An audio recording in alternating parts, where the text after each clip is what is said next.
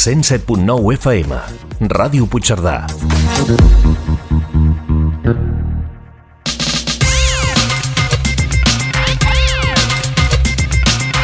A la sintonia de Ràdio Puigcerdà, els dimarts a les 12 del migdia, Ciència en Colors, presentat per l'Enric Quílez, un programa de divulgació científica i tecnològica.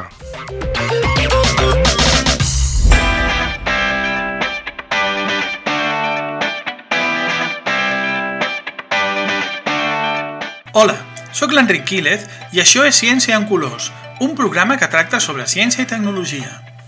Avui parlarem del corrent del Golf. El corrent del Golf és un corrent d'aigua oceànica que porta les aigües càlides del Mar Carib fins a les costes europees de l'oceà Atlàntic i després retorna refredada a la costa atlàntica de Nord-Amèrica. El corrent del Golf és molt important climàticament ja que és el responsable que, per exemple, a l'Europa meridional tinguem unes temperatures força agradables, mentre que a la costa de Nova York, que es troba gairebé a la mateixa latitud que les costes de la península Ibèrica, les temperatures siguin sensiblement inferiors. El nom de corrent del Golf prové del Golf de Mèxic, que és on més o menys en aquest corrent càlid s'origina. El Sol escalfa les aigües relativament poc profundes d'aquest golf i aquestes circulen per l'oceà Atlàntic fins a les costes europees, per retornar després a Nord-Amèrica. De fet, el corrent del Golf es divideix en dues parts, i mentre que una part es dirigeix cap a Europa, una altra va cap a l'oest de l'Àfrica. Els europeus van descobrir el corrent del Golf l'any 1513 gràcies a l'expedició militar de Juan Ponce de León, que va emprar els vents deguts a aquest corrent per impulsar els vaixells a vela des del Carib fins a Espanya, però de fet el corrent ja era conegut amb una certa anterioritat.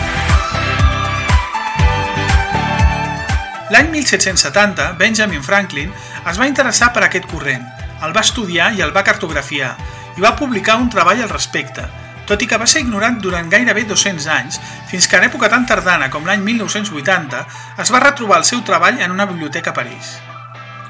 La magnitud del corrent del Golf és aclaparadora. Fa 100 km d'amplada i de 800 a 1.200 metres de fundària.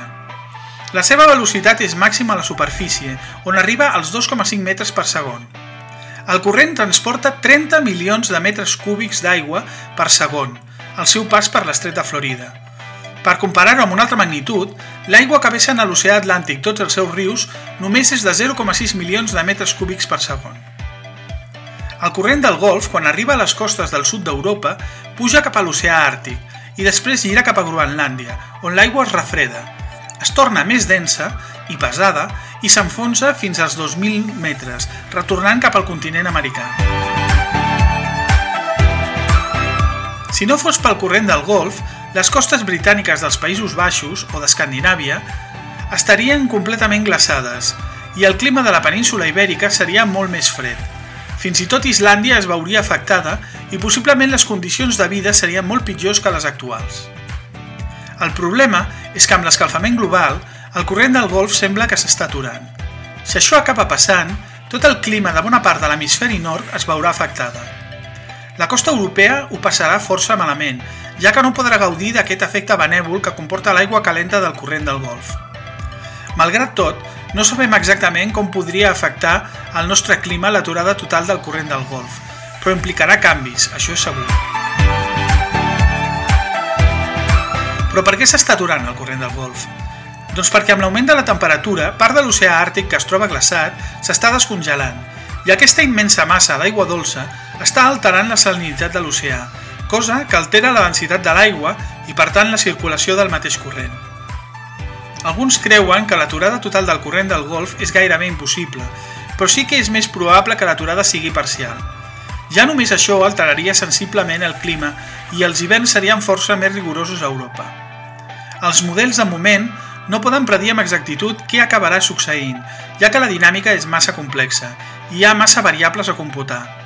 De fet, ens falten dades. Només es va començar a estudiar amb detall aquest corrent a partir de l'any 2004 i això no ens dona prou informació per a fer prediccions acurades. Aquesta és una de les més incertes conseqüències que comportarà el canvi climàtic al qual anem abocats de manera accelerada. I fins aquí el programa d'avui. Al proper programa tractarem sobre l'energia eòlica. Si teniu consultes sobre el món de la ciència i la tecnologia, feu-nos-les arribar al mail grup arroba recercacerdanya.org i mirarem de respondre-les en futures edicions del programa.